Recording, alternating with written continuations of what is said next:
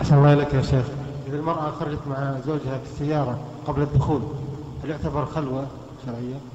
قبل الدخول ولا قبل العقد قبل الدخول قبل أن تفعل لها يعني. ها؟